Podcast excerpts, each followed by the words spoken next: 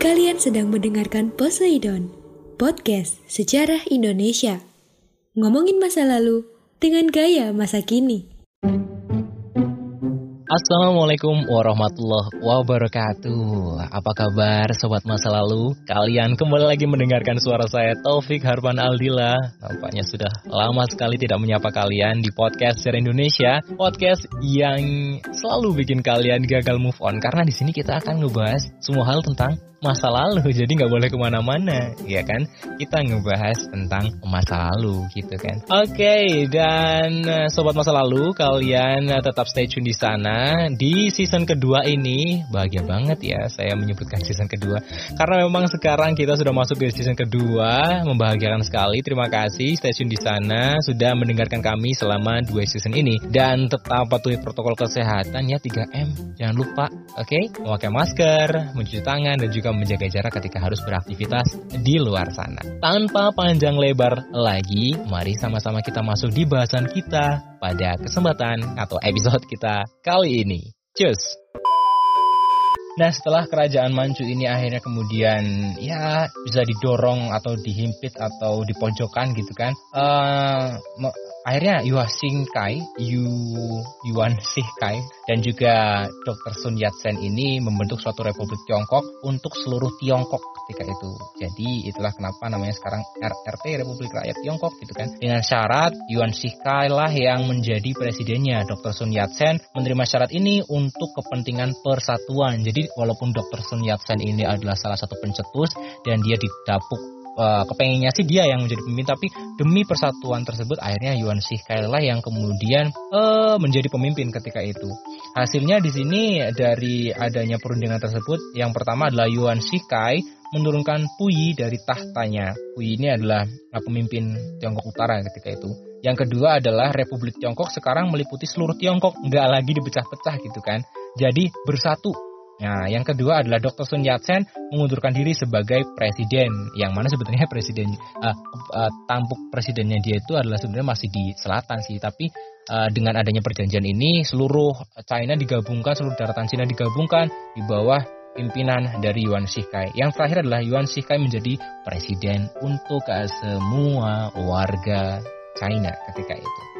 Dr. Sun Yat-sen mengundurkan diri ke kanton dan pada 1 Agustus 1912 mendirikan Kuomintang atau Partai Nasionalis untuk melaksanakan San Min Cui dan menjaga tetap berlangsungnya Republik Tiongkok yang nasionalis, demokratis, dan juga sosialistis. Yuan Shikai mengangkat jenderal-jenderalnya sebagai gubernur di beberapa daerah di Tiongkok. Gubernur militer ini yang kemudian nantinya setelah Yuan Shikai meninggal akan saling berperang berebut kekuasaan ya lagi-lagi tentang politik berebut kekuasaan gitu kan yang nanti menimbulkan banyak kesengsaraan rakyat Tiongkok. Oke itu tadi sampai akhirnya mereka mendapatkan sebuah revolusinya mereka mendapatkan sebuah kemerdekaannya di tahun 1912 nggak berhenti sampai di situ sebenarnya ada lagi uh, lanjutannya di tahun 19, 1913 ini Yuan Shikai memerintah sebagai diktator malah justru gitu kan. San Min Cui dikesampingkan. Dr. Sun Yat-sen dengan Kuomintang yang melakukan pemberontakan tetap kalah Kuomintang dilarang dan pengikut-pengikutnya dibinasakan. Dr. Sun Yat-sen lari ke Shanghai dan bersembunyi di daerah konsesi Prancis. Plot twist gak sih tadi itu kan? Yohasin Kai ini adalah dari utara, itu kan ceritanya. Dan dia didapuk untuk menggantikan raja di utara gitu kan. Tapi ternyata di selatan ini udah lebih maju gitu kan. Ada Dr. Sun Yat-sen dia jadi presiden di selatan. Dia berunding dengan Dr. Sun Yat-sen, bergabunglah utara sama selatan gitu kan. Dr. Sun Yat-sen ya dengan kerelaan hati melepaskan jabatannya. Ya udah, biar Yuan sih kayak aja yang jadi presiden. Eh, malah setelah dia jadi presiden, taunya dia jadi seorang diktator. Dan yang tadi Dr. Sun Yat-sen itu juga diburu akan dimusnahkan, mulai seperti itu. Ya, namanya kepemimpinan eh namanya tampuk kekuasaan itu kadang gitu kali ya. Oke, lanjut di tahun 1914 ini ternyata muncullah atau meletuslah sebuah perang, perang besar, yaitu Perang Dunia ke-1. Perhatian bangsa barat dipusatkan ke Eropa ketika itu. Nah, Jepang ini tahu tentang hal itu. Bagi Jepang kesempatan baik untuk masuk dan juga menguasai Tiongkok. Untuk itu Jepang memihak sekutu. Agar apa? Agar Jepang mendapatkan keuntungan di beberapa wilayah-wilayah Asia kala itu. Nah, di tahun 1959 Jepang Jepang ini mengajukan 21 tuntutan kepada Tiongkok antara lain Xiantung dipinjamkan kepada Jepang. Yang kedua, Jepang merdeka bertindak di Manchuria. Yang selanjutnya adalah pertambangan di Tiongkok harus dikerjakan oleh Tiongkok dan Jepang. Selanjutnya nomor 4, Tiongkok tidak boleh meminjamkan sesuatu pelabuhan di sepanjang pantai Tiongkok kepada negara lain kecuali Jepang. Nah, yang terakhir adalah pemerintahan Tiongkok harus menggunakan penasihat-penasihat Jepang dan kepolisian di Tiongkok harus dijalankan bersama oleh Tiongkok dan juga Jepang. Luar biasa banget Jepang. Tuntutan yang menghina Tiongkok ini diajukan oleh Jepang pada tanggal 4 Mei 1959. Yuha Shinkai ketika itu uh, menerimanya gitu kan. Luar biasa bang ini jelas-jelas banget merugikan Tiongkok ya. Uh, bagaimana kemudian Jepang jadi mempunyai kekuasaan yang sangat luar biasa di China ketika itu dan tahu negaranya kalah akhirnya Yuan Shikai ini ya udahlah mau bergabung dengan Jepang terus kemudian mau bekerja sama dengan Jepang dengan ini Tiongkok menjadi setengah jajahan Jepang Tiongkok itu kan gede banget gitu tengahnya dicaplok Jepang kan luar biasa banget. Nah, tanggal 4 Mei 1959 ini dianggap oleh rakyat Tiongkok sebagai hari celaka. Kenapa? Ya karena wilayah Tiongkok akhirnya diambil alih oleh Jepang gitu kan. Pada tahun 1959 eh, 1915 ini juga Yuan Shinkai uh, mengkhianati Republik Tiongkok dengan memproklamasikan dirinya sebagai kaisar Tiongkok. Rakyat ketika itu gelisah dan juga takut akan pemberontakan.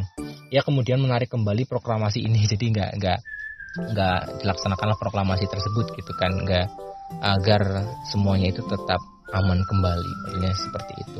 Masih banyak lagi lanjutan ceritanya dari revolusi Cina ini tapi yang jelas adalah di tahun 1911 sampai 1912 sebenarnya Cina sudah berhasil merebut revolusinya tetapi kemudian uh, setelahnya ternyata ya itu tadi terjadi banyak plot twist plot twist di China yang pada akhirnya membuat rakyatnya ya naik turun gitu ya fluktuatif gitu kan. Tapi ya wajar di Indonesia saja bagaimana kemudian setelah Indonesia merdeka ternyata banyak sekali godaannya.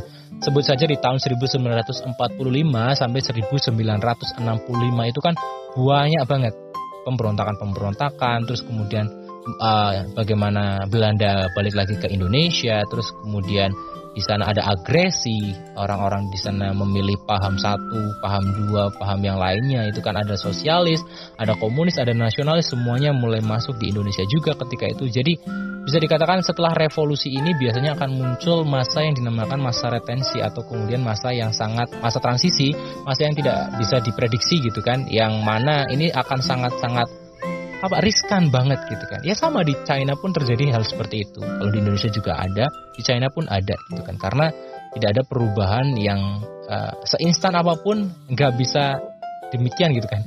Orang mie goreng aja gitu kan Indomie aja bisa dimasak itu. Walaupun instan tapi masaknya itu kan butuh waktu gitu ya. Jangan lupa untuk selalu mematuhi protokol kesehatan ya sobat masa lalu. Ketemu lagi bersama saya di episode selanjutnya saya Taufik undur diri. Assalamualaikum warahmatullahi wabarakatuh. Salam sejarah. Terima kasih.